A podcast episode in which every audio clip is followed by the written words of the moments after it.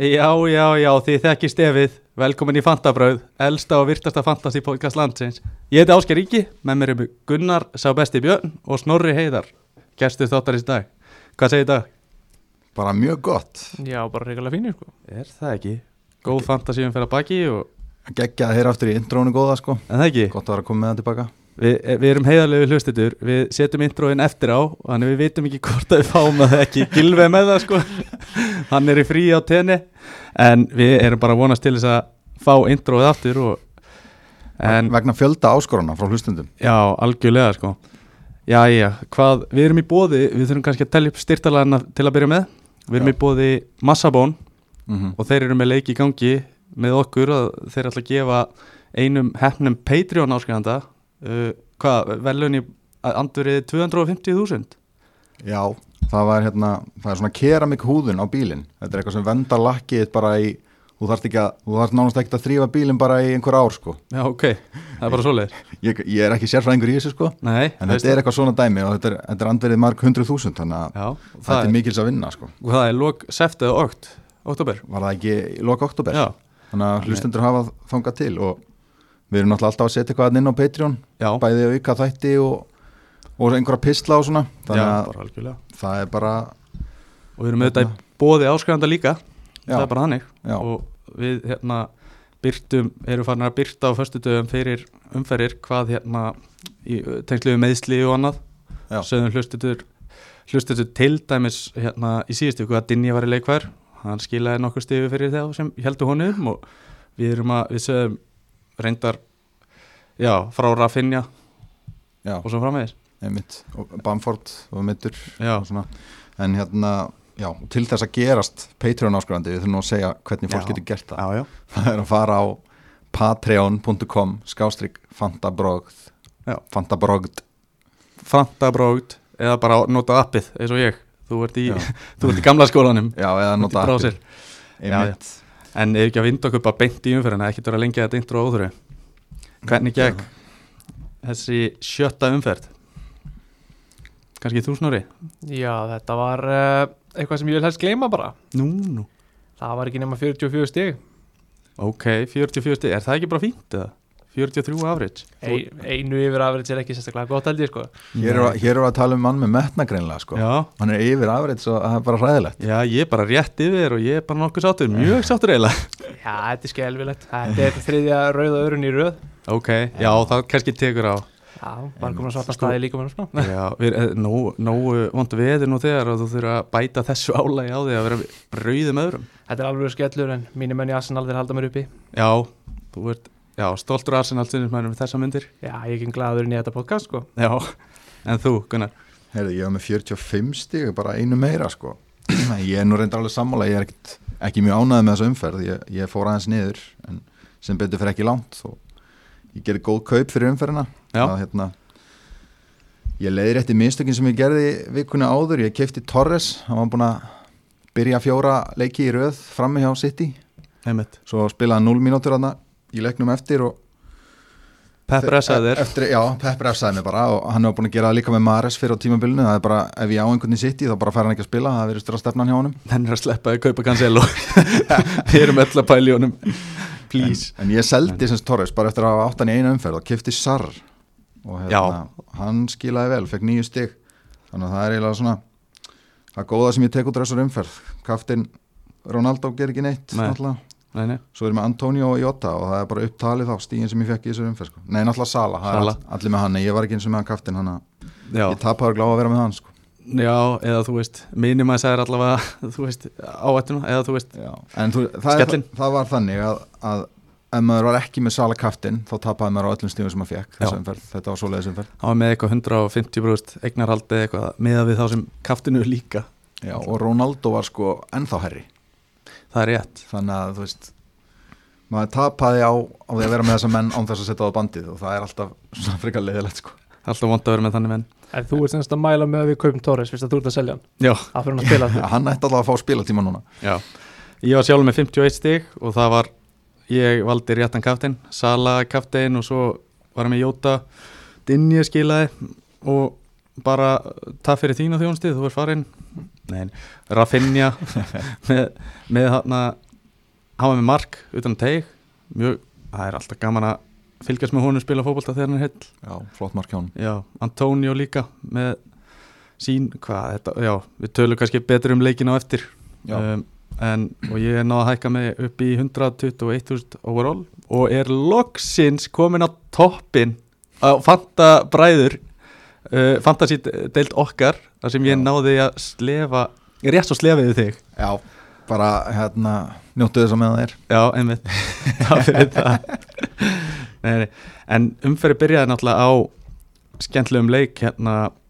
milli Chelsea og City og stórleik helgarinnar eða tvei, einn af tveimur já, um, ekki bara vind okkur í hann Jú. það var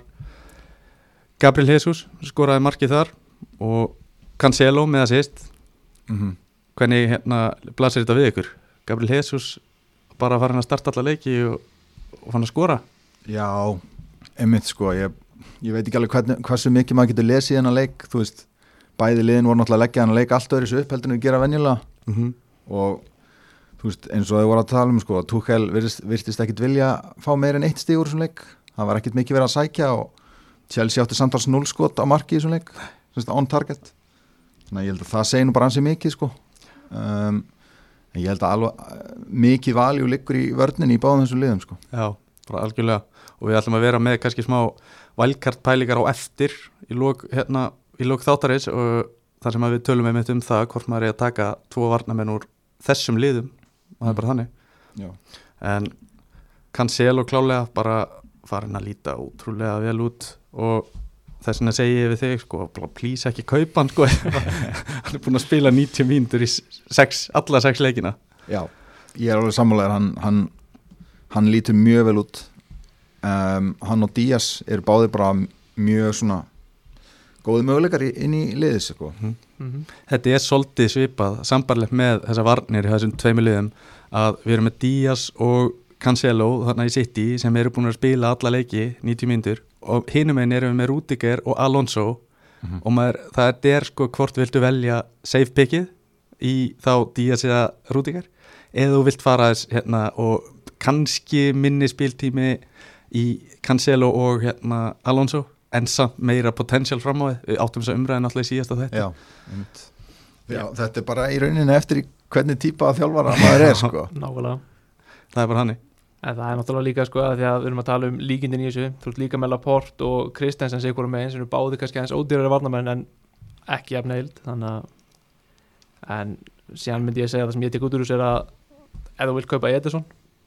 það er náttúrulega möguleiki líka það Mm. tala voða fáir um Edison og Men- Mendy og eitthvað svona að þeir kosta 6 miljonir en ef maður er tími 6 miljonar markmanni þá kannski getur maður tekið annað þeirra þeir eru alltaf að fara að spila það, þú ert með hérna, öryggið að þeir eru alltaf að fara að spila eins og þú segir sko. en náttúrulega það er alltaf þetta að þeir eru aðeins dýrari þeir fá færri save points uh, já, þetta tvent sko, er það sem fælum að frá en ég myndi ekki skamma neitt fyrir að pæla í Edison, ég er alveg sammála þessu sko. klálega pæling að vera með markmann í örugur liðinu og varnamann síðan líka, líka bara prógrami hjá báðum lí, liðum líta bara nokkuð vel út næstu fjórar allavega umferðir hjá eða, þú, veist, fl- meira hjá City og, hérna, og Chelsea náttúrulega með bara það er loksis komið að þessu magnaða prógrami sem við erum búin Já. að tala um frá upphafi tímabilsins já, en eins og City á liðbúlum helgina og svo eiga er bara nokkuð þægilegt prógram næstu þrjáleiki eftir það þannig að hérna ef, ef fólk er að taka valkar núna þá, þá er þetta eiginlega svona það sem við við ábyrgjum ekkert, ekkert í þessu þátt þetta eru bara pælingar en ég myndi taka City varnamenn og Chelsea varnamenn bara trippul Já. upp í öðru kóru Klárt. Nei. ég, já, ég myndi alltaf að taka einn varnamann um hvori liði sko, ef Já. ég væri valkarti myndi Mhm. ég örgulega að gera það Já, þú náttúrulega vilt væntalega fá Lukaku inn í liðið þetta eftir að valkata Já. þannig þá viltu væntalega, þá ertu væntalega bara með 2 pláss eftir og Aspil Kueta geti verið mjög gott pick James var að meðast núna og hann er ekki að fara að spila Callum Hudson og Dói í hæri, ving- hæri vangbakari sko hann hefur, samt, hann hefur alveg sínt það að hann hefur oft gert það í Já. fimmann ef hann er að spila fimmann á varnalínu Já, ég held samt sko, ef, þú- ef við verðum að gíska á tvo varnamenn í- í Chelsea liðinu sem er að fara að byrja alla þessa leiki núna þá er að væntalega Rudiger og að út af meðastunum með James þá myndi ég halda að Aspil Kueta byrji alla Já. þessa leiki það er rétt og Kristensen er náttúrulega líka, hann er á 5 miljonir eins og þú varst að segja og hann er búin að spila alla leiki held ég nema einn og það var eftir landsleikilíða þar sem hann spilaði þrjá leiki með Danmörku kom síðan inn í Chelsea-lið og, og var kvildur þar mm -hmm. þannig það er náttúrulega ekkert ef að, ef að mennur á hérna, takmarkuðu budgeti þá er alveg hægt að skoða það líka taka hann inn Já, sammála því klárt Það er náttúrulega minna gólþrætt heldur en að rúti ger sko Já, en, en sammála ef þú ert með hérna, lítinn pening þá getur þú sparað þarna er ekki nokkuð ásættilega líka bara þú ert í þessari vörn að spila fjórar af hverjum fimm leikjum þú veist, maður getur nánast gengið út frá því að Kristins spili fjórar af hverjum fimm Hann verðist vera, já, komin í mjúkin hjá Túkel sko Já. en eitthvað meir um þennan leik að segja svo sem um, Nei, Eh, Ég allavega, þú veist, það er náttúrulega bara alltaf eins og væntalega allir sem er að hlusta á þetta podcast vita þá er erfitt að taka einhvern í sókninni hjá Pep sko, maður veit ekkert hvort þeir spila en allavega Grílis hefur verið að fá helviti marga mínútur sko já, um, hann er alveg möguleiki finnst mér ef maður, ef maður vill fá einhvern, sitt í mann inn en hann kannski hefur ekkert endilega verið að sína nýtt allt og mikið sko þannig að þú veist, ég, ég sef alveg að vera ekki með hann sko já, Hann er samt, ég var að sjá tölfræði sem að sýnir að hann hefur búið til einhver 30 margtækifæri sem er langt flest í þessu sittiliði mm, og Pep náttúrulega keift hann fyrir 100 miljónir, ég held að hann sé ekki að fara að bekka hann mjög mikið í, sko. nei, það er nefnilega punkturinn sko hann er búin að spila bara 95% af mínúndurum kvildur í 24 pluss 4 mínúndur hann er búin, já, 28 mínúndur þú veist, að það er náttúrulega alveg rosa gott já, gott að vera með þannig, eða, ég- gott að vera með mennsi spila þetta er peppa, maður veit ekki neitt en þeir eiga liðbúl næst þannig að maður er ekkert að hvetja menn í að flýta sér í að taka akkurat núna nema og sért kannski á vælkarti Já, en einmitt vanandi þessa valkarpæringu þá er grílis í rauninni fullkomið pikk inn í þetta valkartjámanni að því að flestir eru að fara að færa sig frá ódýrum, að, neða, dýrum miðumönum og fara yfir í sóknina og vörnina bara bæta þar en ég held að grílis geti haldið að þá getur þú komist auðvöld yfir í Diogo Jota og Greenwood ef þeir fara aftur í gang sko, Já. almennilega Já, bara klálega Já. Þannig að hérna Já ekkert meir um það að segja Næsti leikur var á, sa- hann var reyndar á sama tíma United á móti Aston Villa Það var ótrúlegt bara magna, mikið af ótrúlegum hlutu sem gerðist í þeim leik Sérstaklega kannski hérna náttúrulega Aston Villa skorar á 88. mínútu minni mig og svo fá United víti á hvað, 94. Hlustið þetta vita þetta náttúrulega já, já. við fengum loksins svar við spurningunum sem við erum búin að velta, upp, eða velta fyrir okkur hérna í marga vikur sko, hvor tekur vítið Bruno eða Cristiano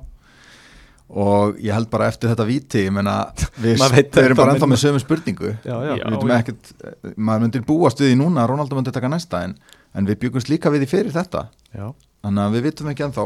hvað verður næst Óli saði viðtal eftir leika að, hérna, að þú veist það kæmist ekkert inn í hausin og brún og þetta myndi ekki breyta neinu fyrir hann og eitthvað svona þannig að kannski tekur hann bara næsta viti líka ég, þú veist það er ekki hægt að lesa í þetta Nei, ég held samt að þetta séu raung komið tök þarna ólega því að Martínez kom kláli í hausin á honum já, Já, ég veit að ég, ég er alveg sammála því sko en, en mér finnst þetta bara aðtilsverð ummæli þess vegna er ég að segja það sko Já, já, þetta er það en þetta var náttúrulega ef við þurfum, ef við hérna, kannski eðum örfáum orðum í það, þá var þetta náttúrulega rosalega vel gert hjá Martínez, Ja. hann ja. gjössanlega tók hann út, sækaði hann út sko Hann er Alveg klárt geggjaður í þessu sko að hann var, gerði þetta líka í Copa America sko þá tók hann hann í vítarfinn kemni í lokin þar sem hann var bara að trolla menn og þú veist, segja alls konar hluti sem maður veit ekkert hvað hann er að segja en jú, náttúrulega segja Ronaldo að taka þessa vítarspinnu er náttúrulega, Já. þetta er náttúrulega briljant sko um, en ég meina Lu- Luke Shaw við erum, hvað, hann er við erum mjög margir búnir, að- og mörg búin að vera með hann Já. Er hann að segja blessu okkur í byli?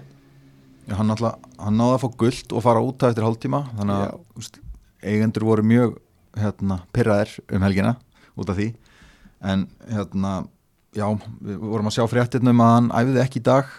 þeir eru náttúrulega leik í meistradeldin núna móti VRL uh, á morgun miðugudag og hann Óli sagði að hann ætti séns á að ná þeim leik Ok, þannig að þau komment finnst mér hljóma eins og hann ná í leiknum um helgina já, og allavega í mínu, fyrir mig persónulega sko, þá ætlum ég að halda honum ef að, ef að hérna, ef hann spilar sko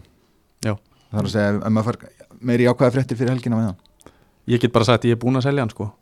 já, ég held að séu nefnilega ansi margir Já. búin að selja hann sko Ég held að hann verið löngu sko En þá gæti verið alveg fínt, ég veit ekki, maður er hérna búin að uh, býða og býða hérna haldunum og gerir ekki neitt en ég meina Everton og Leicester næstu tveimur, síðan Liverpool, Tottenham City, þetta er eiginlega alveg ótrúlega erfið prógram sem að hérna, United er á leiðin inn í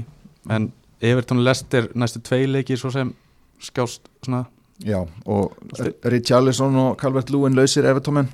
já, og hann sjóða með næst bestu creative tölfræðina fyrir utan hérna hann Trent Emmitt. af öllum varnamönnum hann er að krossa alveg endalaust og það er bara ljóst eftir komur Ronaldo og hann er með bara skilabóðum að krossa hann endalaust og reyna að leggja upp fyrir Ronaldo þannig að ég er bara að býða eftir því að hann leggja upp mark og maður fá einhver stig loksins þegar að maður er að sína honum hérna þólimæði og hérna, já, ég er bara að krossa fingur um að hann skilum helgina en annars er hann bara farin eins og þú segir, næstu leikir er svo erfiðir hjá þeim já það er bara þannig allavega þetta munum kannski, við munum segja þetta svo oft í þessu þætti, ef þú ert á velkarti þá, þá veit ég ekki, ég myndi ekki halda honum bara fyrir mig persónulega Ég er alveg sammála því já, Nei, síðan bættist hún á þetta að Maguire er líka meðslæðistan næstu vikunar Ég meina að það er ábyggilega mikilvægasti varnamaðurinn í þessu liði akkurat Já, Já. það getur alveg haft áhrif á vörnina hjá hérna varnantölfræðina hjá United Ég held að það sé bara Men- klárt mál að muni gera það sko. já, mm -hmm. bara 100% um, Aston Villa þeir bara farin að vinna unnu hérna Everton og núna United líta bara ágætlega út Já. svo sem maður hefur ekkert eitthvað mikið að segja um Aston Villa það er ekki svona það er ekki mikið að mönnum hana sem að maður er eitthvað að pæli Nei, en það er kannski hægt að setja Ollie Watkins á watchlist já, 7,3 miljónir bara gæti verið bargain sko algjörlega og Douglas Lewis 4,5 miljónir hann var að taka hotspilluna þarna tók hotspilluna sem að háskallaði inn sko já, nákvæmlega Já, Og- hann getur enda að vera fínt pikk sko á bekkin, á Já. elkarti Einmitt. Mhm. 4,5 miðumæður Já, al algjörlega sko. Olli Watkins átt alveg mjög mörg skoti í þessu leik allavega. Nokkrar þrjusu bombur eins og Aron okkar myndi segja. Já, Það bara, hérna, já, ópenna skóri ekki. Já, hann hefur ekkert breyst, hann fær um endalist og færum alltaf líflegur en það er bara spurning hversu mikið þessu endar í nýttinu sko. Já, akkurat það er alveg máli. Ég vildi að varnamenn er að væra eins ódýrari þá myndi maður alveg vera að skoða þá sko. þeir, þeir eru konum með núna þrjú clean seat í þessum sex leikjum Mm og eru náttúrulega með þetta skrýmsli í markinu Já, uh, og mér finnst alveg að þessir hérna bakverðir uh, hérna Target og Kass þeir líta vel út en þeir eru bara aðeins og dýrir fyrir mig sko já, ef þeir væri á fjóra fimm þá þá væri ég að skoða það alvarlega já, algjörlega. Náttúrulega Martínez 5,5, það er bara uh, mismöndi hvernig menn spila hennan blessaða leik, hvort þið vilji fara í ódýrjari, hérna, varna, nei, markmenn eða, eða hafa þessa dýru. Þú veist, hann er alveg, hann er alveg með, já, hann er með 14, koma- 14% eignarhald. Um, já, eins og sé, ég er búin að halda, hvað, þrísar hreinu. Algjörlega. Mm, Everton tók á móti Norwich, unnu 2-0. Það var Townsend, hann er farin að stimpla sig inn komið með tvö mörg og eitt assist í síðustu þrejum leikjum já, einmitt hver er haldið að sko, semi varamaður í Krista Palas og varamaður í Lester væri allt í nú komnir þarna að vera aðal kallandir í Evertón núna Mett. þetta er, þetta er mjög skrítið sko Þessi Demaran Grey og, og, og hann Townsend en þetta er bara, þetta er staðan þeir eru báður að delivera á fullu Já, Grey fekk assist í þessum leik og Dukure líka fyrir um Votvort maðurinn já hann skoraði Hann er farin að taka bara þvíli klaup upp í teig og farin að skora bara alltaf inn í teig Já, mér, Já. mér skilst af yfirdómörunum að þeir hana, Benítez ég bara múið að gefa hann þau fyrirmæli að um leiðu fáum boltan þá keirið þú bara inn í tegin og ég meina hann Sást. getur alveg- hann getur verið pikk sko. Já, sástu í þessi marki sem hann tók hann bara um leið og þau feiku hérna boltan, náðanum þá bara gunna hann í teig og Einmitt. allt í henni komið boltan og en alltaf þessi Norvitsu vörn, þetta er bara fallbissu fóður og Já, já. já, einmitt Þú En, veist, maður veit ekki hvernig maður á að lesa einmitt í leikja móti Norvits, hvað Nei. segja þeir manni þeir Já. segja manni bara hann hvað Norvits eru ógeðslega lélegir sko. nei, nákvæmlega, en það er samt með Duguri, hann er bara búin að, bara búin að blanka í sko tveimur leikjum einmitt hann móti Aston Villa og Brighton sem eru eins og við erum að tala um með Aston Villa mjög góð vörð, Brighton lið nánast á topnum þetta er enda mjög aðteklisvært Já, tvö blanks í sex leikjum hann Mhm. mm. 11 stið síðast og svo var hann með 10 stið og 8 stið í þessum hinnum leikjum Já. 5,6 miljónir en allir þessi þrýr gæjar, Townsend, Gray og Dukure, þetta er allt miðjumenn sem kostar 5,5 til 6 miljónir Já, og þú veist, það er mjög erfitt að ætla að velja einhvern aðeim sko. en flesti virðast vera að ve- veðja á Gray ég, ég hugsa að ég myndi taka hann en, en það er ekki langt á milli þessara manna Townsend er vítas, virðist vera vítaskittana reyndar missir það örgla þegar Karl Já. Stúðan kemur aftur sko Sko ef að Townsend fyrir að taka vítin fram yfir Richarlison ef að Da- ef að Dominic Calvert-Lewin er ekki þarna þá held ég að hann bara það var allt vítt það var þetta að pakka saman sko þá lemur hann Richarlison Já. hann sko Já. en það er er, erfitt að lesa í þetta líka núna þegar að Richarlison og Calvert Lúin eru ekki þá, er, þá eru þessi menn að skora mörkin og maður veit ekki hvort þeir færa færa mörkin yfir á þessa sóknamenn þegar að þeir koma tilbaka þannig að Richarlison, hann er expected að það gekk til í oktober, miðan oktober Jú, ég held að en, jú, þetta, er ekki, þetta er ekki eitthvað erfið meðsli hjá, hjá þessum nei, en, já, hann var tábrotinn hann Calvert Lúin er það ekki, hann Jú. tábrotnaði bara lengi frá ég þó ekki að segja, þú veist, ö- sennilega mánuður allavega sko Já. það styttist í hann held ég sko Já, að 17. oktober samkvæmt Fantasy Premier League á Richarlison akkurat, já, og Já. annar oktober á Dominic það var styttist í já það var Calvert-Lewin. bara mjög stutt í Calvert Lúin Mhm. mm samkvæmt þessu ok, það, þá fyl, við fylgjumst vel með því og ef að hann er leikfærum helgina þá látum við Patreon hlustundu vita á því á fyrstu dæn klart Herðu, Leeds Vestham leikurinn sem að margir voru að búast við margir heldur því bara Vestham voru að búast við miklu frá Vestham mm og Antonio eigundur fengu eitthvað fyrir sinn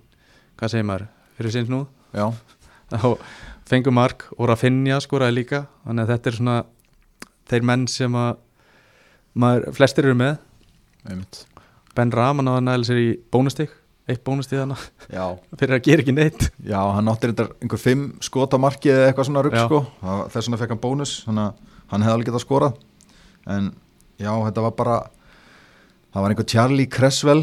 sem byrjaði í miðverði, hann var að spila sína fyrstu mínútur í, í ennsku deildinni hjá Leeds svo var þau með þarna einhverja fleiri trúða sem hafa lítið spilað í vörninni það er náttúrulega endalus meðsli hjá þeim yep. og bara hérna, vestam geng á lægið og unnuleikin Best. Alltaf frábært marki hjá Antonio já, geggjað mark geggja Mjög hvernig hann tekur á glóðar. mótunum bara yfir hana yfir gæjan og í hotnið Mhm. já, já, en Leeds svona, maður er búin að vera að targeta Leeds vörnina þegar maður á þegar að hérna, liðin eiga leiki á móti þeim maður svona, svo sem heldur því bara áfram vestam skoraði tvö í þessu leik og þeir eru með nokkra sem að eru átt í vörninni sinni þannig að um, algjörlega hvað eiga hvað á fólk að gera við Ben Rama Hann var náttúrulega að hækka núna í nótt Já. Þannig að ef þú varst með hann frá byrjun þá ertu búin að græða 0,3 á honum Þannig að ég, ég, ef ég valkarða þá var hann ekki í valkarliðinu mínu ég er sammála því ég, ef ég væri á valkarti þá myndi ég örgulega að losa hann sko. já, það er bara það mikið að spennandi kostum sko. og, þú veist, hann er alveg góð, gott pikk en ég sé alveg að, uh, betri möguleika Mm -hmm. Eða Brentford næst sem að þú veist, þeir eru ljósgrænir hérna á fantasy yfirlitunin, þeir eru ekkert það er ekkert auðvelt að brjótast í gegnum þá Alls ekki eins og við sáum um helgina maður veit ekkert hvað maður fær frá þessu liði þetta er svolítið gaman að þessu sko. maður Já. bara já, einmitt, þeir geta ve- haldið hreinu eða fengið á sig þrjú maður bara, hérna Já. nei, Þetta er bara nýja lýtsliði, það er bara elskað á allir og Já, já, bara alltaf skemmtilegustu leikinir nákvæmlega Mm. og komum kannski betur inn á það á eftir að, hérna. en Bamford hann alltaf meitt, meittur uh, og Rafinha er ennþá tæpur fór hann ekki út af í þessu leik Jú, hann óskaði sjálfur eftir skiptingu Já, og ég, ég sá að hann lá lengi eftir höfuhöggi fyrirháleik já, og fekk langa aðhlýningu en svo endist hann alveg í 67 mínútur eða eitthvað svo leiðis en hann er bara hérna, einhvern veginn alltaf, alltaf tæpur og spilar alltaf rúman klukkutíma og sækir stig fyrir sína eigendur sko þetta er svo óþægilegt óþægilegt að vera með svona í liðinu Já, einmitt Það er bara, og líka við verðum eiginlega að tala um prógrami hjá Leeds Við erum Mm. búin að skoða þetta Það er styrlað sko Þetta er bara, ég hef aldrei séð neitt jafn grænt sko Ekki eins og hlutabriðin í gær, þetta er grænar en það Það er bara, það er bara, þú veist Watford, Southampton, Wolves, Norwich Leicester, Tottenham Brighton, Crystal Palace, Brentford Bara þetta er upp í eh, leikvíku 15 er þetta bara grænt og þetta er svolítið, mann langar svo að fara inn í þetta en hvernig ætlar að taka? Rafinha, einmitt. það er bara í rauninni fyrir mér þá er Rafinha eða Bamford Já. það er engin annars ekki um til greina Nei, Bamford, Bamford bara já, Bamford meittur núna já, Já. báði tæpir Það þannig er að að finna tæpur ég, þetta er bara svona í rauninu wait and see ég myndi ekki taka bara, ég myndi ekki taka, ég myndi taka korunan fyrir Waterleikin ef að Bielsa segir bara, hann segir oftast á blagamannafundum bara, þetta er best skemmtilegasti þjálfarinn í dildinni, hann segir alltaf á blagamannafundum bara, heyrðu ég ára að finna spilar, uh, Bamford spilar ekki og þessi spilar og þessi spilar ekki Mhm. þannig að við fáum 100% upplýsingar sem við getum notað þannig að það er bara býðið til blagamannafundum ef fólk er að pæli öðrum hvorum Bamford eða að finna Já, hann, var, ein- hann er einmitt eins og þú segir hann geða þetta trinskilin, maður getur alltaf treyst því sem hann segir en fyrir þessa umferð síðustu þá sagði hann, ég get ekki sagt að Rafinha spili eða spili ekki því að ég væri að ljúa, því að það er bara Já. ég veit það ekki hann er bara hreinskilin Hann er hann var bara bóttið að hreinskilinn. meina þetta og þessi ummæli allavega, þú veist, ég hefði verið frekar stressaður ef ég væri með Rafinha en svo náttúrulega bara spila hann og skorar það er, það er gáulegt eftir á að hafa verið með hann í liðinu en einmitt, hreinskilastist þjálfarinn í deildinni sagði að það væri alveg óvíst hvort hann myndi spila þannig að, og þá er það satt það var óvíst það er bara þannig og Antonio eigendur, þeir eru bara halda honum, hann bara lítur ekkert eðlilega vel út og þú veist, ef hann er heill og ekki banni, þá, þá hef maður bara með hann og margir sem að, já, eins og ég segi hérna, eft- þegar Bamford bara meittist voru bara hefnir að það meittist upp á það að bara skiptir í Antonio og, og fá, eru velunaði fyrir það Já, ég bölvaði þegar, þegar lestin fór á stað sko, Bamford yfir í Antonio lestin sko, já, það var ekki gott nei það er mjög vond Já, heyrðu, Lester 2, Burnley 2 Maxwell Cornett kominn stimplaði sig á blað hjá Burnley og Wardy skoraði þrjú og þar af eitt sjálfsmark Þetta- Þetta er bara já, algjör marka vél hann er, hann er komið með fimm mörg í sex leikjum Já, hann er næst stigahæsti framherinn og við tölum aldrei um hann aldrei hvað, akkur, akkur ekki Þetta er ótrúleg Það er bara, þú veist hann hérna og meira að segja með góða leiki, búin að eiga góða leiki og á góða leiki framundan og þetta er þetta er bara, uh, fellur bara algjörlega í skuggan á Ronaldo og Lukaku Já, Mhm. það er nefnilega nákvæmlega þannig ég meina þegar ég er Krista Pallas, síðan New York Manchester United en síðan er Brentford, Arsenal, Leeds Já. þetta er allt leiki sem getur bara endað einhvern veginn já, já. ég get alveg trúið að það vart í ná einhverjum smörkum hérna sko Vorti getur skorað á móti hverju sem er Mhm. og að bara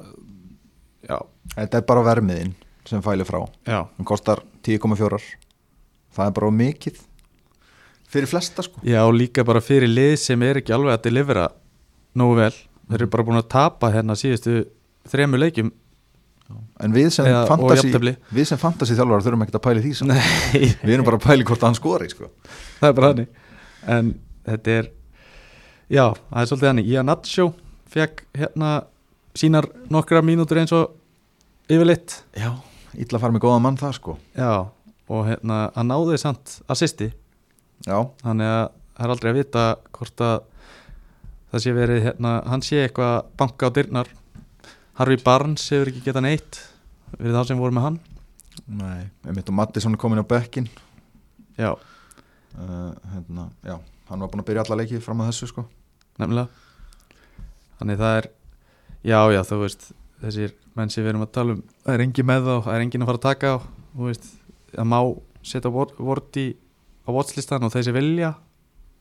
ég bara, eh, þeir megi að taka hann, eh, mín vegna Já. en Þú þú veist, gefur ég, ég bara sé ekki hverjir er að fara að taka vorti núna einhvern veginn með, hvernig fittar eru vorti inn í liðið þitt? kannski ef þú getur gert það ef þú ert með tvær fría skiptingar og þú vilt taka einhvern differential aðan og wildcardar í landsleikafrínu Já. þá getur þú tekið hann fyrir Krista Pallas leikin og vonað hann skori já, þannig já, að- ok, já, þetta, þetta fer en ég held að long term þá eru allir að fara í Lukaku og Antonio og síðan eitthvað svona Bamford Jimenez eitthvað svona, jafnvel ódýrari við fögnum samt fjölbreytileikanum sko það með ekki allir vera eins og Nei, rétt. þetta er algjörlega þeir sem hérna þóra bara go for it bara af hverju ekki segi það en það var fallegt mark í lokin á þessu leik þannig að Barnes með assist á Wood ég heyrði fagnir í gilva frá tennis og heim þetta eru hans menn sko einmitt, en það var dæmt af Það var- því miður það var bara svo tæft ég sá Já. ekki einu sinni, já til að byrja með nei, nei, þetta var ansi tæft sko En því, og annað, annar punktur úr þessu leik þessi Maxwell Cornett, hann er búin að slá uh, okkar mann úr liðinu sko hann hérna, Jóa Berg já, og hann skoraði þannig að ég er ansið rættur um að þetta verði erfitt hjá Jóa hann, hérna, einmitt hann gæti verið búin að missa sætið ég, Já, miður. þessi gæði lítið vel út, þessi Kornett hann er samt sem áður 75% líkur á að hann spila um helgina hann er með eitthvað hamstring vandamál já, ok, flott Já, það er fínt, það er fínt fyrir Jóa já, ég hugsa að Jói er, er komin hópur fyrir við erum náttúrulega ekki landslýspodcast en er komin hópur fyrir næsta verkefni á landslýðinu ekki sem alveg ég sé pottet ekki, nei, Nei. örugglega ekki. hann, ætli, hann segi ekki bara nei við því ég er að Já, hugsa maður. bara upp á hérna nei við náttúrulega, við erum fantasy podcast skulum einbátöku að því, en hérna ég er bara að hugsa um bara meðsli, þú veist, meðsla líkur og hann er að reyna að berjast fyrir sætinu sinni þannig til að ná lengri samningi Einmitt, það er Já. alveg pæling en ég menna ef hann er ekki að fá að spila hjá Burnley akkur þá ekki að spila fyrir íslenska landsliði Já, Nei, nákvæmlega nei nei, við tölum um það í næsta podcasti okkar við stofnum nýtt fyrir landlið nei nei, ekkert meir um þennan seg- leik að segja held ég uh, búin er að fara yfir allt hana já, Já, Watford Newcastle Sarr, ha, það var vond, já. það var mjög vond á vond það var mjög vond, ég var alvarleg í að taka hann inn en það hefði verið fyrir Greenwood það hefði skilað mér ágætlega já, En ég ákvað að sleppa því, ég ákvað frekar að hafa tvær skiptingar fyrir þessu umferð Svo maður geti leikið sér eitthvað aðeins með liði Sé eftir því núna Næ, þá getur að sjá eftir í þessu leik ef þú, ef þú ert að sjá eftir öllu skiptingu í þessu þá endar þetta mjög ítla sko. það er alltaf að spá í hinum og þessum í þessu ég, ég tók hann inn þannig að ég, var- ég fagnaði, fekk að fagna en og næsti leikur af þeim er á móti Leeds sem er ennþá bara varnarlaust Já, þeir eru varnarlausir þannig að ég hef alveg bara, ég er bjarsitt fyrir næsta leik hjá þeim líka algjörlega sérstaklega þeir sem eru að taka velkart eftir viku En samt eftir það, þá ertu í svona ákveðnu brasi sko, Liverpool, Everton, Southampton, Arsenal, United, Leicester, Chelsea Þetta er bara eins vond og að verður held ég sko já, en þetta getur verið eins og þú varst að tala um one week punt svona fyrir wildcard sko Klárt fyrir valkart í næstu umferð Já. ég, ég, þú veist, ég tók hann inn fyrir þessa umferð með, með hlýðsjóna því að ég væri sennilega að fara að valkarta í næstu viku sko, þannig að- Einmitt. algjörlega en síðan hérna Josh King Já, eh, gamli bornmáttmaðurinn, hann lítur ágætlega út á topnum hjá þeim, hann er að komast í góða sjansa og skoraði það sem hann held að vera í sigumarki í þessum leik og reyf sig úr ofan og fagnaði með áhöröndum þetta er svo óþægilegt Það var svo leiðilegt að sjá þetta sko þetta er bara, já þetta, maður hugsaði bara hvað er búið að koma fyrir fótbolta núna, bara Já. af hverju fá þeir ekki að fá þetta mark en, en, á sama tíma er ég samt sammála sko, eins og Tommy hefur verið að segja þarna hjá Símanum þegar hann er að lýsa leikjum bara lift upp flagginu ef hann er rangstæður sko við erum búin að sjá nokkur sem eins og gerist í Chelsea City hérna þegar Lukaku skoraði markið sitt Einmitt. það var bara pl- pjúra rangstæða á Havertz hann flaggar ekki fyrir hann er búin að setja hann í net og allir byrjar að fagna Já. þetta er svo leiðilegt sko bara flaggaði bara þú sér hann er rangstæður já, þeir, þeir þóraði ekki sko nei af því að ef það skildi mögulega vera mistök þá eru þeir svo í svo djúmum skýt en þetta er bara þetta er galli á var sem að þarf einhvern veginn að ég veit ekki eins og hvernig er hægt að laga þetta þetta er bara, Nei, þetta er bara svo glata dæmi sko. Erfitt, þetta mun á endanum bara eðilegja einhvern veginn alla gleði við að skora alltaf að býða eitthvað og svo kemur eitthvað fagn eftir á eitthvað Já. fagn af varinu einmitt og svo sitja allir áhöröndur og horfa á skjáin og stendur bara var checking goal bara í tvær mínútur já, og bara allir sitja bara og horfa út í lofti sko. þetta, er, þetta er alveg glata dæmi maður vill hafa þetta rétt á sama tíma sko, þannig að, en, að við þurfum að finna út úr þessu já við gerum það við tækifæri setjum við þetta í nefnd allavega nei, en nei, kannski punktur með annar punktur úr þessum leik að Newcastle voru nokkuð góðir í þessum leik þeir átt að vinna hennar leik já, þeir voru með miklu betri tölfræði þeir voru með XG bara upp á 2 eða eitthvað á móti hi- hálfum hjá Watford og fengu algjört dauðafæri sem ég skil ekki ennþá hvernig þið klúruðu já sem að býtu, St. Maximin lagði upp fyrir hann alveg rétt sem skoraði markið hann Richie, nei býtu hérna, longstaff já, Longstaff Longstaff og hann skaut yfir bara, það var opið mark sko bara endilega tjekkið á þessu hlustundur þegar þetta var bara besta færi sem ég hef séð en þeir áttu semst að vinna þennan leik og mér finnst bara að Newcastle hafa verið nokkuð góðir í undanförnum leikjum sko, já, þegar hann leita ágætlega út sko út úr karakter sko algjörlega og bara Saint Maximin, allt og góðu fyrir þetta lið En- já en hvern mynduðu hoppa á mynduðu bara er það ekki bara Maximin eða mynduðu hoppa á einhvern annan í Newcastle ég myndi ekki einu sinni hoppa á hann því miður En- ég, ég hérna sjátt át á Guðmund Felixson, góðinn þáttarins hann er með Saint Maximin og tók stíin hans og Já, já. skellir hlóðum helgina skelli ló, hann er að vinna okkur í fantasy sko já, já, hann er bara, hann er að standa sér frábærlega Ætlar hann að vera ný Íslandsmeistarinn eða? hann stefnir í það, já það stefnir í það En hann er, að sti- hérna, hann er Patreon hjá okkur já, og hann er í pakkanum Guðmundur Felixson já, sem er hérna, með dýrari styrtar pökkunum og þökkum honum kærlega fyrir það Enda fær hann bara sérstætt sjátt í hverjum þætti fyrir það Já. bara, Þessi skrási Guðmund Félix og baka fá bara sjátt það er svo lýs já, já, um, en já, eins og þessi Saint Maximin er hann fantasy, þú veist við erum að tala um fantasy, þú erum maður jú, hann er samt alveg hún að vera með tvö mörg og tvö að sést í síðustu fjórum hann er bara, hann er sóknarleikur þessa liðs ef, Já. ef þetta lið skora mark þá er 100% hann komað í sko Ég meina- sérstaklega meðan að Wilson er frá algjörlega, Já, ég meina, við vorum að tala um aðan að Tukor er búin að blanki tveimur Seint Maxim er búin að blanki einum já, nákvæmlega. á Havaram og Dasta Vila það er rétt og eiga fínt prógram Mjög fínt prógram, ég, ég meina, já, já Við erum Ég- bara fínt wildcard pick fyrir einhver eða vantar ódýrari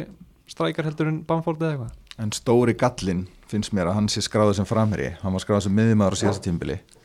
ef hann væri ennþá mið, miðjumæður þá myndi ég potti taka hann sko já, en þú veist það er bara það er svo erfitt að finna framherjapláss í dag sko já, þegar maður er með Antonio og Lukaku og Ronaldo og, og fleiri sko algjörlega fleiri hérna mittpræst góða sko þannig að þetta er erfitt það er, eh, við getum ekki verið með þetta allt Því miður. en þetta bara, já, við eigum ekki fleiri orðum í Watford Newcastle Nei. uh, þá er komið að Brentford 3, Liverpool 3 Næst skemmtilegast að leik helgarnar næst skemmtilegasta leikhelgarinnar já, er Arsenal maður að tala núna? já mögulega mætti halda það nei, uh, Sala skorar þú veist já, bara himninu blár eða þú veist grár hérna á Íslandi og, en svo eru bara Brentford þau segir sko það er bara hannig Mm Mhm. og þú veist, Sala og Jóta bara fantasi spilendur elska sig á þetta já, bæði Sala og Jóta áttu áttu að skora meiri í þessum leik já, sko Sala fekk tvö algjör dauðafæri sem hann klikkaði og Jóta fekk annan leikin í röð bara, þú veist, maður skilur ekki hvernig er hægt að vera atvinnumæður í fótbolta og klúra svona þetta bara þannig að, þú veist, maður er ekkert gladur með þessa menn, sko, þó þeir hefur skora Já. ég var bara að segja það, ef, ef maður horfði á leikin já, það er rétt Já, ég meina, Diogo Sjóta kvatti mig með marki Þannig að hann er, ég get sagt ykkur það að hann er farin úr liðinu mínu Nú, ok, Þannig að, en ég eins og ég segi, ég alveg sammálaður, þetta er bara búið að vera ótrúlega þreytandi samt að því maður er með hann, hann á að vera að koma með svo miklu meiri stig heldur en að hann, heldur en hann gaf sko. nákvæmlega, sammála það er bara þannig ég, ég er að reyna að finna þennan XG þannig ég held að í alvörunni eins og í síðasta leik var hann með einni, þú veist, tæ- tæplega einn í XG fyrir þetta dauðafæri sem hann klúraði þá mm núna var hann örglega með eitthvað að svipað hann fekk örgulega cirka 1 í XG fyrir færi sem hann klúraði þarna líka sko þannig að hann er að under, underperforma svolítið og fyrir mín og fyrir minni og fyrir minni og fann að hérna bara komin, þú veist fann að byrjar að spila, byrjaði að spila þannig að, mann er að tala um að hann sé líklega að starta næsta leik sem er á móti City eða ekki, jú, það bara getur vel verið, mér finnst það mjög líklegt Samt áhugavert að þegar að fyrir mínu kom inn á í þessu leik þá var hann, ekki, þá var Sjóta ekki tekin út af, Sala ekki tekin út af, Manni ekki tekin út af, þetta var, hann spilaði með þá fjóra inn á, ég veit hvað tók hann á þurr út af var það ekki, hvort það hafi verið Jones eða eitthvað, ég man það ekki. það var einhver miðum aðra já, en Jones allavega með neglu síðan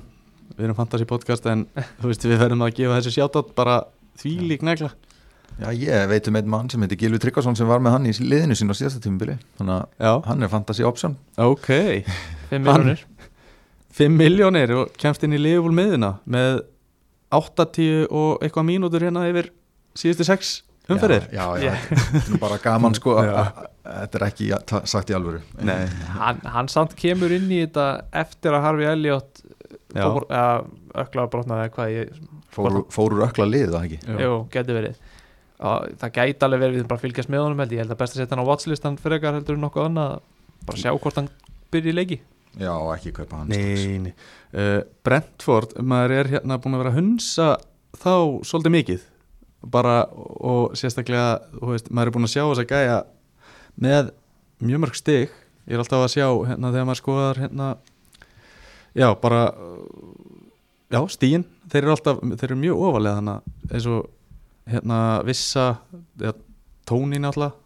Mhm. uh, Jansson hana með assist bara þessi gæjar eru Pinnock skoraði, Já, Pinnock hann auðvitað. fór reynda mittur út af Það ég sagði villust, Vissa er, hann er ekki að gera neitt Nei, Já, hann böðum og svona kannski einhver kostur ég veit það ekki það er hann Nei, er bara- alltaf vinsæll Já, bara þessi gæjar eru bara komin með fullt af stigum, margir hverjir Mhm. og þeir hérna, þú veist allavega Pinnock, hann reyndar eitthvað tæpi núna en maður þarf alltaf að fara að skoða þá svona á næstunni, ódýrir Já, þeir eru reyndar, þeir eru með svolítið erfitt prógram, ég held að næsti leikur sé á móti, hvað, West Ham, Vestham svo Chelsea og Leicester Já, Vestham, Chelsea, Leicester, þannig að bara Já, býða aðeins með þá sko en ég er alveg sammálaðir, þeir verða kostir fljótlega algjörlega eftir þetta, þetta og Ivan Tóni lítur alltaf betur og betur út, hann er komin nýri 6,3 ár Já, og bara eftir þessa erfiðu leikið þá finnst mér hann vera orðin option ég, ég, ég er nýbúin að selja hann en, en Já. samt Já, ég ætla bara að segja bara verið ykkur góðu þar því að ég, ég bekkið hann á móti Aston Villa þegar hann skora fyrsta markið sitt síðan spilar hann á móti Brighton þá blankar hann síðan selja hann og hann bara er búin að brilla að segja það þetta er bara svona klassíst þetta er svo geggjast fantasy harmsaga Svona love hate relationship Já, bara klálega og hann og hvað er MBN og hérna er hann ekki með eitthvað hann er fimm- stíl líka hann er 5,5 miljonur ég veit ekki hvort hann er búin að skila almennilega en hann er allavega spilandi frammi með Tony sko Já, hann er líka option já, en hann er komið eitt, eitt mark í öllu sinni leikjum þannig að og, en hann er farin að spila 90 líka og það er bara, hann er miðumæður sko gráða miðumæður, skráðið með maður á 5,5 5.5 það er alveg margir options í þessu liði en, en eins og ég segi, ég myndi allavega að býða fram með þessa Já, já, erfiðu leiki sko. algjörlega Hann- sammála því bara svona eftir nokkra umferði þegar að, þeir eru búinir að skila allir þá getum við allavega sagt það nefnt á Ísö podcasti Já. Nei, og nei. eitt punktum með Tony líka hann er ekki bara með gólfrætt heldur, hann er með flest big chances created á tímabilinu af öllum leikmönnum það er rétt Það er já punktur, ok, Já. alveg targasendir já. þetta er eiginlega, ég, ég, er, ég er í sjokki já, þetta, þetta er sjokkerandi info já, Fá, fá það bara hér, fandabröðum ok, já, bara í, bara í fandabröðum en hvað finnst ykkur samt með svona Liverpool vörnina eins og Trent og Robertson og Van Dijk og alltaf þess að finnst ykkur ætti fólk að því núna veit ég að þeir eiga City og einhverjur eru byrjar að pæla hvort þeir eiga að færa það í burtu bara myndu ekki það? minnst að fara eftir hvern og er með sko um, Trent er tæpur skils mér já, hann er dæbur hann, Já, allan, hann, hann ferðaðist ekki í mestaradöldaleikin sem er núna á móti Porto í vikunni að hann er tæpið fyrir helgina ok, já, já það, en hann er allavega einhvern veginn fastur í mínu lið en það er bara, það er hægt að búa til svo mikið pening um að það selur hann það er eiginlega, þú veist en það, það mun, það svona gæti biti mann í rassinn en þú getur líka mist svo mikið að stigum við að selja hann sko. já, það er nefnilega málið sko. þetta er ógislega erfitt við getum kannski komið inn á það eftir en ég, ég gæti verið búin að selja hann. nei, gæti verið ok já, já, þarf ég að taka ræðan á þig eins og ég tók við gilvaðan daginn já með sala fyrir að hann ætla að selja sala á elkartinu Nei, Hættu við mitt, það. mitt er nú bara svona one week punt að fyrir áður en maður wildcardar já, já, sleppa sitt í leiknum og fá okkur Chelsea varnamann í staðin bara já, það er reyndar alveg ágætt múf já, já, það er bara flott uh, Southampton Wolves Wolves með Mark og Jimenez loksis komin á blað Já, þetta var mjög falleg moment Þetta var allir Sem hún moment skorar. að öllu leiti nema þegar að maður sá að sá að sá átti að sýsti þannig já, heyrðu, markmaðurinn punktu með það Hann er orðin stóðsendingahæsti leikmaði vúls á tímabilinu það er ótrúlega tölfræð Með eina þeir eru byttu, já, þeir eru Þetta er fyrsta hérna, assistið á tímabilinu eða, sem- semst, Það, Já. gæti, það gæti verið komið eitthvað fantasy assist En svona official assist, þú veist það er ekki það sama nei, nákvæmlega Þetta er fyrsta svona official assistið á tímabilinu hjá hann þetta er þriðja marki sem við skora um eitt Já, ég ég held að það voru sjálfsmark og hann að Hwang hafi sett hann bara af línunni bara eftir eitthvað Já. bröðlinn teik sko þannig að, jú, þetta er rétt sko já, það er bara mjög vel gert hjá honum og hérna, var ekki verið að tala með að hann hefði getað sko, lagt fleiri upp Já, Hann er neglandi hann að fram allan leikinn. já, en náttúrulega, já þetta mark hjá Jimenez var náttúrulega frábært og þú veist, þetta myndi maður bara á hann þe- í fanta formi sko algjörlega Sammála Þú veist, það er tæft ár síðan hann skoraði síðast það var ekki hægt að sjá það á, á þessu finish sko. Já, hann var einn andan móti hvað þrejum varnamönnum með eitthvað hristaði bara Já. af sér og dansaði í kringu það og setti hann sér bara í netið þetta myndi bara á allan sitt maksimin Já, bara mjög vel gert hjá honum og við fögnum því bara öll uh, og bara flott að hann er komin í gang og bara eiga gott prógram eins og við höfum verið að segja með Wolves mm Mhm. og hafa ekki verið að skila nógu mikið hinga til en og heldur hreinu, það er mjög margi með Marsal eða Semedo eða einhvern, ein- einhvern af vörnamennunum Já. sko. þannig að þú veist, þeir lita bara mjög vel út með gott program eins og þú segir og, og bara Traori Bekkjaður tráður í bekkjar, það er endar Ha. og það er líka, þú veist, hann er með allt þetta, alla þessa tölfræði með sér hva, hann er svo kreatív, hann er ekki komið eitt assist, Já. ekkert mark hann deliverar ekki neitt og er núna komin á bekkin þetta er bara tími til að losa finnst mér Já, ef einhver er með trári þá bara algjörlega sko. það eru margir með hann sko Já, já, já það, er, það er ekki spurning sko. það, og, og en ég líka bara eh, eins og Hi- Jimenez, þú veist hann á Newcastle næst og stofila Leeds eftir það bara flott, flott option á 7,5 uh, við höfum verið að segja þetta en, en hann hefur bara ekki eins og ég segi, loksis komin í gang það er bara hannig yes. uh, Þinn leikur, Snorri Þetta er, þetta er skemmtilegsta leikur helgaðinnar Arsenal Spurs 3-1 Þetta var fallegt Já, Arsenal bara líta nokkuð vel út og voru bara, þeir voru að sína taktaðana sem að myndi mig bara á Prime Arsenal í spili sko. ja, Þetta var klálega besti fyrirhálagrunnar undir Arteta sko Já, bara bara ekki, ekki spurning þetta var bara ég, ég var að horfa á þetta í síman ég var í ammala á þessum tíma sko en maður bara alltaf gargandi hérna upp fyrir alla í ammala allir bara byrja hvað er í gangi nei, nei, þetta var snild sko Saga og Smith Rowe líta mjög vel út svona fantasilega að séð bara ég mun potið taka einn af þeim þegar ég valgata Já. annan, alla annan Smith Rowe á 5,3 ár gæti leift heilan helling í liðinu sko já, og ég meina vörnin hjá Arsenal hún er rosalega solid sko í augnablikinu segir maður áður en þeir fá þessu endast á mörgum en svona famous last words nei, en ég meina ég veit að margir er að pæla í Ramstil hvað er stökur um hann? ég, eins og ég sagði hérna um daginn í þættinum að ég held að hans kom með þetta sæti ég meina, Sa- Ég sammála því sko hann er búin að halda hreinu í tveimur færa á sig, já, eitt mark sem skipta einhver máli í þessu leik, hann er solid og bara einhvern veginn miklu meira ára yfir honum heldur en hinnum hann að Leno já, ég þannig meina, að, sáu þið vöslunans þegar hann varði frá Lukas Móra já, undir í, lokin? í slána hana já, já, bara hann lítur, alltaf, hann lítur ekki út eins og markmaður sem er búin að falla tvö tímum að byrja í röð sko. alls ekki, ég meina ég held að fólk hafi svona verið kannski aðeins og hart við hann en kannski sjá hann bara svolítið til ég ætla hann að mjög spenntur fyrir honum og ég mun mögulega taka hann sko já, ég- hérna, ekki blindast, þetta er Arsenal styrnismæður tala Nei, en hann er í alvunni bara 4,5 miljónir er hann alveg að kontenta við, þú veist, Sanchez og mér veist ekkert óhæðilegt við það að fara úr Sanchez yfir í Ramstil Nei, sko, líka að því að Arsenal og nú er ég kannski komin full mikið ásnáðin, ég veit það ekki en Arsenal var með þriðju bestu vörnina í deildinni í fyrra bara, og ég er ekki að tala um tölfræðilega að segja ég er bara að tala um hversu mikið mörg mörg þeir fengi á sig þeir eru búin að hrikalega flottir þessu tíambili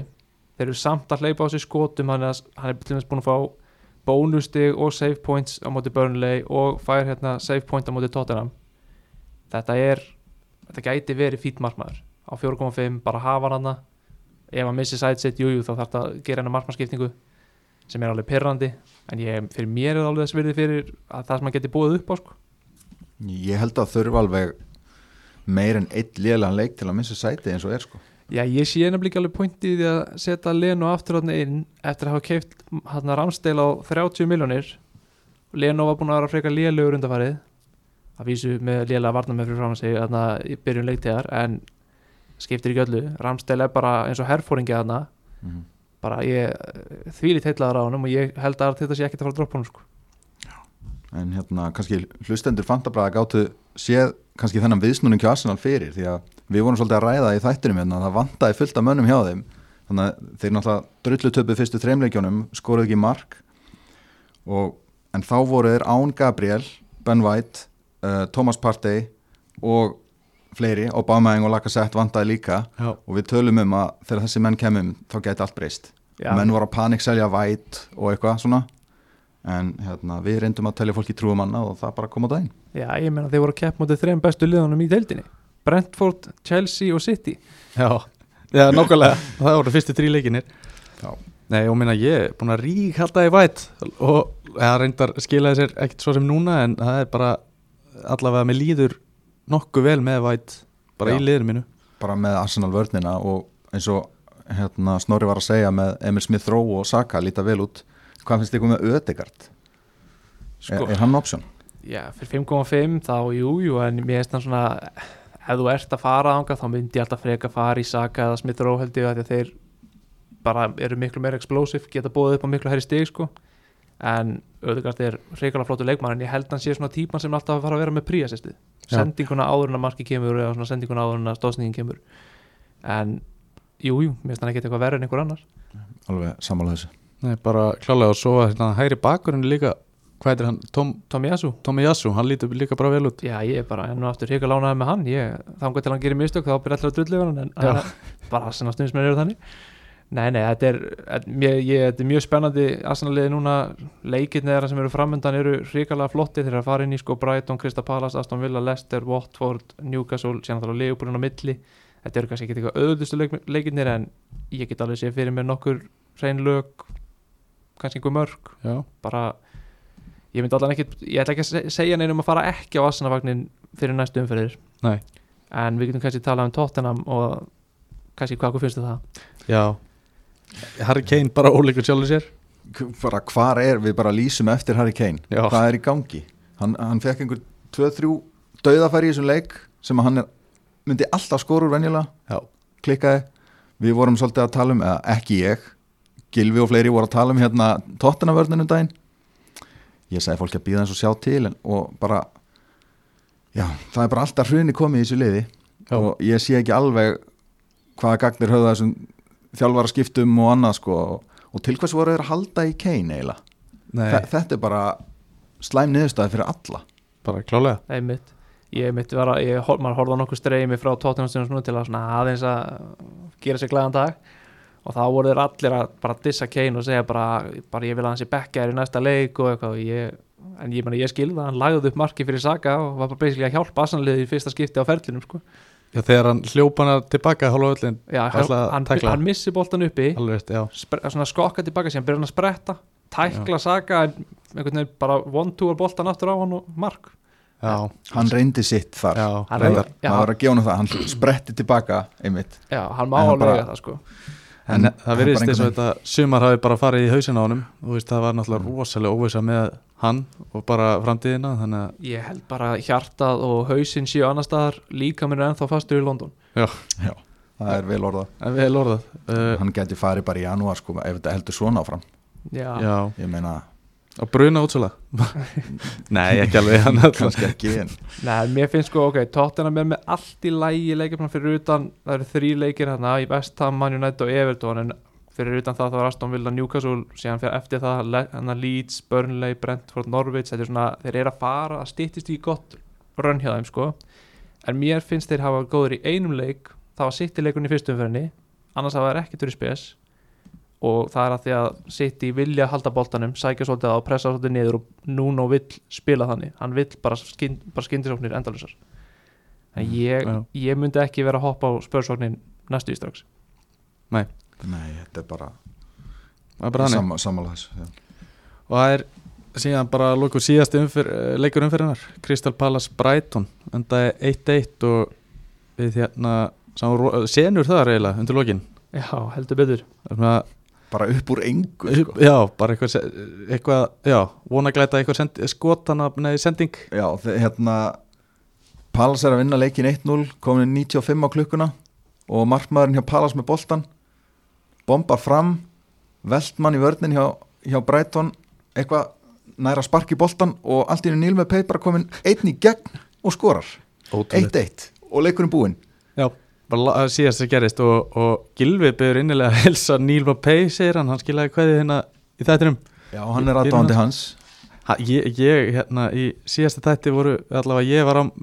mótið því að hann var einu svona pæli í honum, sko. En, já, ég, eru þið að pæli í honum með það? Nei, sko, ok, Bless. að, þetta er maður ákast ekki að segja að maður hati einhverja leikmaðin en ef það er einn leikmaður í allir í ennsku úrstöndin sem ég þóli ekki þá er það Neil Mopay, hann er ekki beint svona likeable náðungi sko. Ekki alls mjög. ekki Nei, nei, klálega, hann er satt komið með bara, hatið hann elski hann, en hann er komið með fjögum örk í sex leikjum. já, já, Það er það bara, er ekki tætt að neyta því sko. Nei, nei, það er ekki hægt að neita tölfræðinni. Nei. nei, nei, nei. Sá, horfðu á hann að leik Já, svona uh, síðustu 30. Já, sko, Sanchez átti rosalega sending Ég hugsaði sko fyrir hann leik bara Ó, hvað verið gott ef Sanchez ætti assist í þessu leik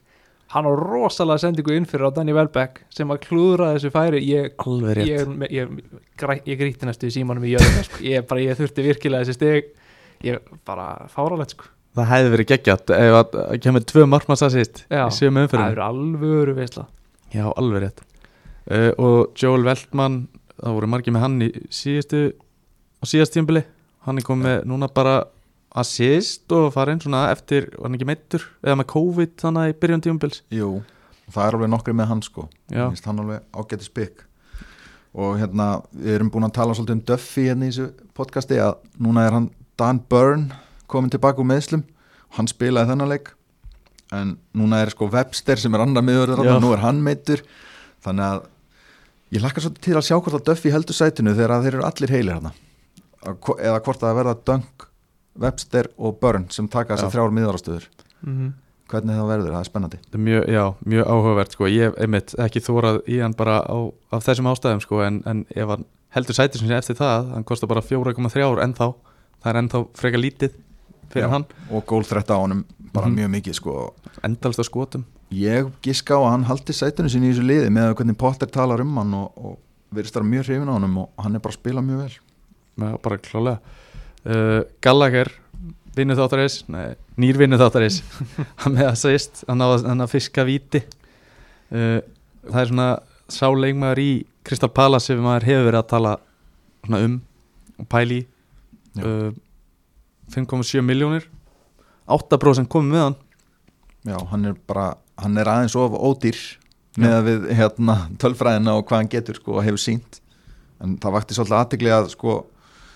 hann var ekki að taka hotnin eins og venjulega í þessu leik. Nei. Kanski smá áhugjefni, hann, hérna Mili Vojevits sem að hefur ekkert verið að spila alla leiki, hann spilaði þennan leik og tók öll hotnin. Svo fengum við víti og þá bjóst maður náttúrulega við því að sjá Mili Vojevits fara beint á punktinn en Einmitt. Saha, Saha steig upp og akkurat, þannig að hann er bara vítaskipta nummer eitt núna, gott að vita það. ég meina alveg bara geggjað og hérna, hann var einmitt að tala um daginn að hann þyrfti að vera gráðuri og þetta, þú veist hann ætti fullt inni, Saha, segja satt Já, hvað finnst ykkur núna um Saha? Þetta er, mögulega, þetta er líklega síðasta tímabili sem að hann hefur til þess að svona sanna sig og virkilega fá eitthvað gott múf gætu við, gæta loksins verið tímabilið við, ég veit við segjum þetta okkur einasta tímabilið en gæta loksins verið tímabilið sem að Saha springur út og ef við horfum á viðurinn að segja reyga framöndan bara eftir Game Week 10 þegar sem við meta City þá er þetta mjög grænt og grátt bara í, til skiptis Já. er, er Saha pælinga? Já, við erum náttúrulega með sko meistarinn í fyrra, Hemsson, sem er nú hérna mjög oft með okkur hérna í podcastinu og er einn af þáttastjórnundum, hann er sérstakur aðdáandi Saha og ég veit að hann er alveg samfærður um að hann sé að fara að springa út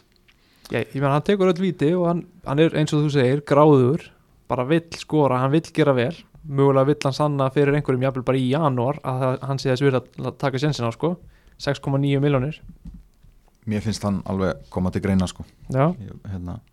það er náttúrulega bara þessi klísja að það er ótrúlega mikið af möguleikum í bóði og, og svona en, en ég, mér finnst alveg fínt sjátt að taka hann sko já, en hvað með svona Oddsson Edward, það er svona kannski síðasta gæðin sem ég langar að minnast á í þessu Krista Palasli bara blómstæraðan mútið Tottenham sem kannski þurfum ekki að taka mikið markaði, ég veit það ekki en hann byrjar hennar leik Hvað- Já. hvað fannst ykkur um hann? ég bara sá ekki Nei. nóg mikið á honum sko en að, þú veist hann kom inn á hann og skoraði tvö mörg á fimm mínútum hann á móti tóttunum Einmitt.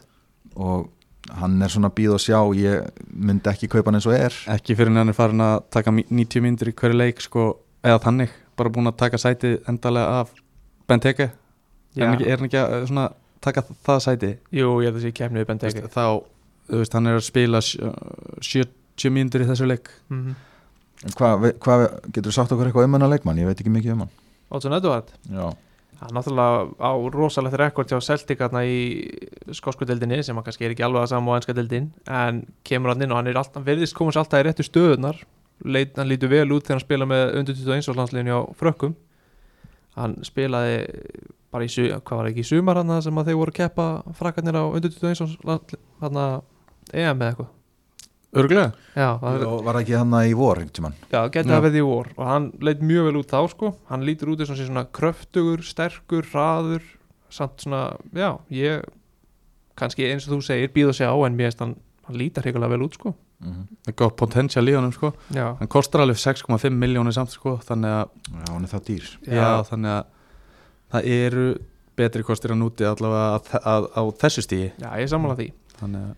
en klálega fylgjast vel með honum uh, við erum búin að fara yfir alla leikina eigum við að hérna, við kannski tökum aðeins nú eru margir að fara í wildcard kannski tökum svona sérstaka umræði um það uh, það er sérstætt ákveðið fixtjósving í gangi við Mm. erum búin að býða til þess lengi eins og ég nefndi í byrjuð þáttar United er að fara að sigli í nokkuð erfitt program og Chelsea er að fara dætt í á móti nokkuð gott program til að mynda um, ef við ekki bara svona fara yfir þess helstu leikmenn sem að maður ætti að fylgjast með á velkarti og pæli í Jú, jú, um, við töluðum að þessum hérna City og Chelsea verðina ef við punktum upp bara elsnögt við erum þetta búnir aðeins þannig séð. en þetta er Alonso og Rudiger já mm. það er möguleika þegar hann í Chelsea já. svo er þetta Díaz og hérna Cancelo og Edison og já ég ætla ekki að halda áfram að þylju upp hérna alla Nei, nei, en ég meina við náttúrulega eins og ég sagði þarna þá með Aspili Kveta út af meðslunum þá gæti hann verið mjög neild þannig að það er kannski fínt að Mhm. hafa hann hann inn í þessu en og S- Sala must have á valkarti já, við fórum vel yfir það hérna síðast já, það síðast En ég held sér líka bara spurning sko Þegar núna munu örgulega mjög margir sem er frá Wildcard að taka Foretaback eða jafnvel bara fimm Bara tilbaka, bara stóra menn tilbaka Hvað finnst ykkur um það? Hvort myndu þau gera? Fimm, fjórir eða myndu taka þrjá þrjá í vörðinu? Hvað myndu þau gera? ég er óvart komið með fimm í vörn sko. þetta var, við áttum umræðið síðast á þetta um, um þetta nákvæmlega sama sko, og, og ég var á móti fimm í vörn sko. ég er yfirleitt að spila þrem til fjórum Já, en svo núna ég, tran, ég er búinn að gera tvö transfer Já. og þá er hérna ég tók út sjó fyrir Alonso og Ronaldo út fyrir Lukaku og já, ég tók já, Alonso Af því, og ég er með Rúdikinn og þér þannig ég er, að, ég er að fara í double up á hérna í Chelsea vörni og ég einhvern veginn hérna hugsaði bara þú veist, Alonso er bara á meðan hann er að fá 90 mínútur þá er hann alveg fárlega pikk þegar hann spilar, bara það er engin betri það er bara, þarf ekkert að orðlengja það sko og ég meina að tvítryggja sig þó, þó að Alonso spila ekki, hann er svona leikmaður hann spilar hann 90 myndur eða 0, 0 myndur þannig ég hugsa að meðan af hverju ekki bara tví, tvítryggja sig Mhm. það var bara bæðir út ykkur og Alonso það er svona kosturinn við þessa varnamenn sem er ekki í fast sæti að þeir spila yfirleitt 0 mínútur sko, Já. ef, ef þeir byrja ekki inn á það er svona algengast þannig að nema Rhys James, hann er ofta þegar síðan voru byrjunulina dett inn í meistadallinni ok, Það er fyrir mín og er á bekknum hjá Leopold Jóta að spila Jótt aðra að spila Sala, Mane, Henderson, Jones, Fabinho, Robertson, Van Dijk, Matip, Milner og Alisson og hinn hitliði sem var skipti máli City, það er Ederson í markinu Walker, Díaz, Laporte, Cancelo Rodri, Mares, De Bruyne Bernardo Silva, Grealish og Störling þannig að Torres, Jesus þeir eru á bekk ok já, kannski það sem að maður horfir mest á kannski er að Jota er að spila þarna og fyrir mín ára bekknum það bendir svona svolítið til þess að fyrir mín og byrja þá um helgina myndi ég halda, er ekki sammála því að Jú, ég held það en það er kannski líka smá potential í því að þinn maður Torres hann er á bekknum, hann byrja þá bara um helgina, eða ekki? já, ég meina, sko, ég hef reynd að lesa Pep svona ég er bara búin að komast á því að það er bara ekkit hægt að lesa hann. Það er bara alveg rétt alveg sama hvernig maður reynir sko. Það er alveg rétt Klálega. Uh, eitt bara Lukaku versus Ronaldo þetta er, ég kannski aðeins að renna yfir hérna spurningana sem að Já. við eigum Mm. uh, Ronaldo á í næstu byrju í næstu tveimu leikjum hverja á hann? Ronaldo og Everton. Everton. Everton og Leicester í næstu tveim Er það eitthvað, er, er þetta ekki smá er þetta ekki að blinda maður smá að þetta séu Everton og Lester blindaka hvernig segðis að, að það, það er þetta jafn, mikið át og menn er að tala um að skipta nei, Ronaldo nei. yfir í Lukaku nei, ég ætla ekki að skipta ég ætla að vera með Ronaldo kaftin sko. Já, ég er bara ákveðið með það ég held að ég held að þeir mæti brjálaði til leiks eftir, eftir þetta, þessa skitu núna og ég ætla bara að treysta á Ronaldo kaftin Já, ég er einmitt búin að gera til þess að toppa þig að þú sagðist að það er gert tvær, ég er búin að gera þrjár ok og ég er með bæði Lukaku og Ronaldo frammi Ok, ú, vá ég er með Lukaku, Ronaldo og Antonio frammi síðan ég er með Sala, Greenwood, Smith Rowe og Ben Rama Býtu, hvar færðu peninga Ha, fyrir já. þessu? ekki með trend ég sleppti trend, Já, það, það bjóti peningin ég seldi sem sagt Diogo Sjóta fyrir Smith Rowe og seldi trend fyrir Rudiger og tók síðan Lukaku inn fyrir Bamford Já. Ok. Þetta er fínt fyrir Stóra eina viku sko. ég, Þetta er mjög spennandi sko Þetta verður skemmtileg vika vonandi allan vonandi skemmtileg heldur en síðasta Já, nákvæmlega Herri, ég er með eina aðteglisverða tölfræði í þetta Ronaldo vs. Lukaku Lukaku debate síðustu þrem leikjum, Ronaldo búinn að spila þrjá leiki þannig ég tók bara síðustu þrjá leiki hjá báðum uh, skot 17-5 fyrir Ronaldo á markið 7-3 fyrir Ronaldo XG 3,4 móti 0,8 fyrir Ronaldo uh, s- Big Chances eða hérna döðafæri 5-1 fyrir Ronaldo uh, snertingarinn í teg 25-15 fyrir Ronaldo um, það er náttúrulega aðeins erfiðari leikir hann á bakvið hjá Lukaku en mér finnst þetta samt mjög áhugavert ég hefði haldið að þetta væri jafnara Algjörlega og þú veist þetta svona aðeins lætt mér líða betur með að vera ekki með Lukaku en hann kemur inn í liðið mitt á endanum sko en, en ég vildi bara Þetta er svona henda þessu næstu, fram næstu tvei leikir þeir sem vilja taka ekki áættu en vera öðruvísi en aðrir mm þeir bara, hald, bara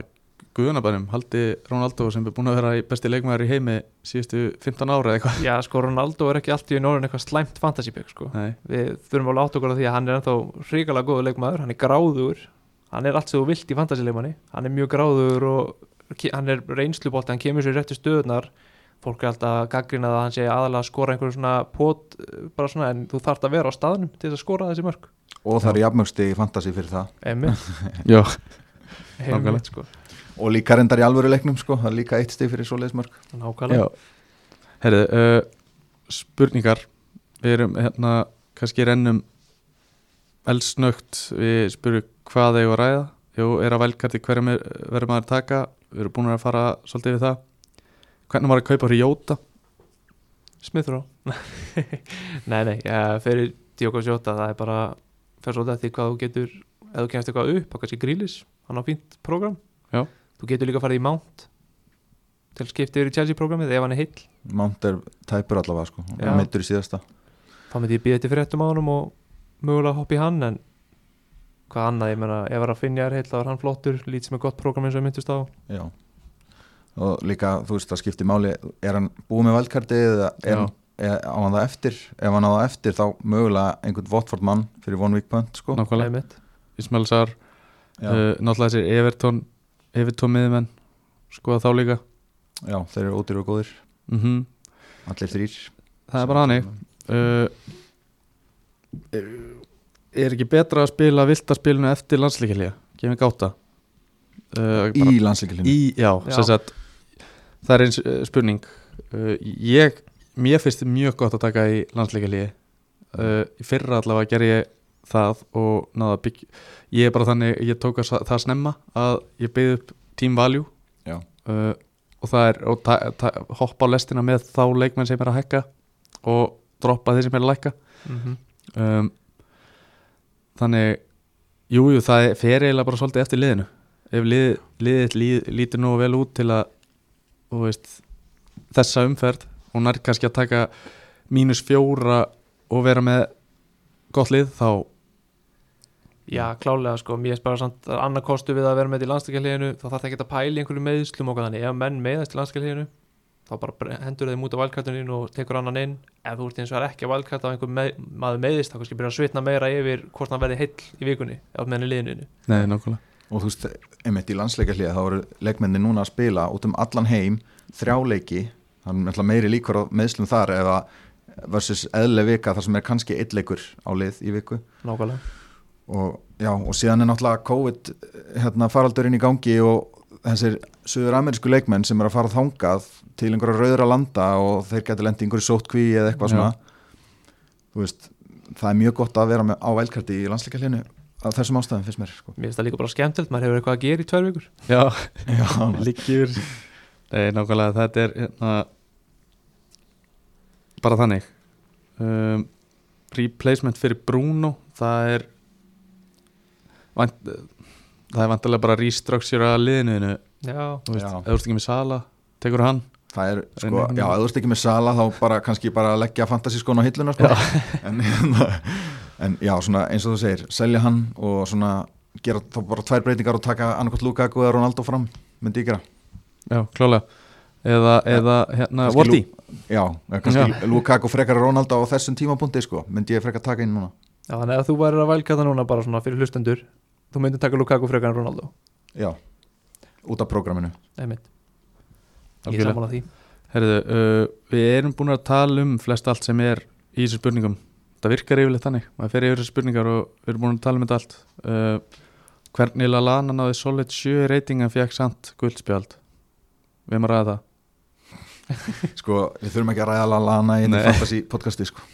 nei, nei, uh, erum við ekki bara nokkuð góðir að búin að kofera svona flest allt Uh, Já, Það held ég. kann, kannski bara Gunni varst eitthvað búinn að tala um hver, hvaða breytingar þú ætlar að gera Sko, sko ég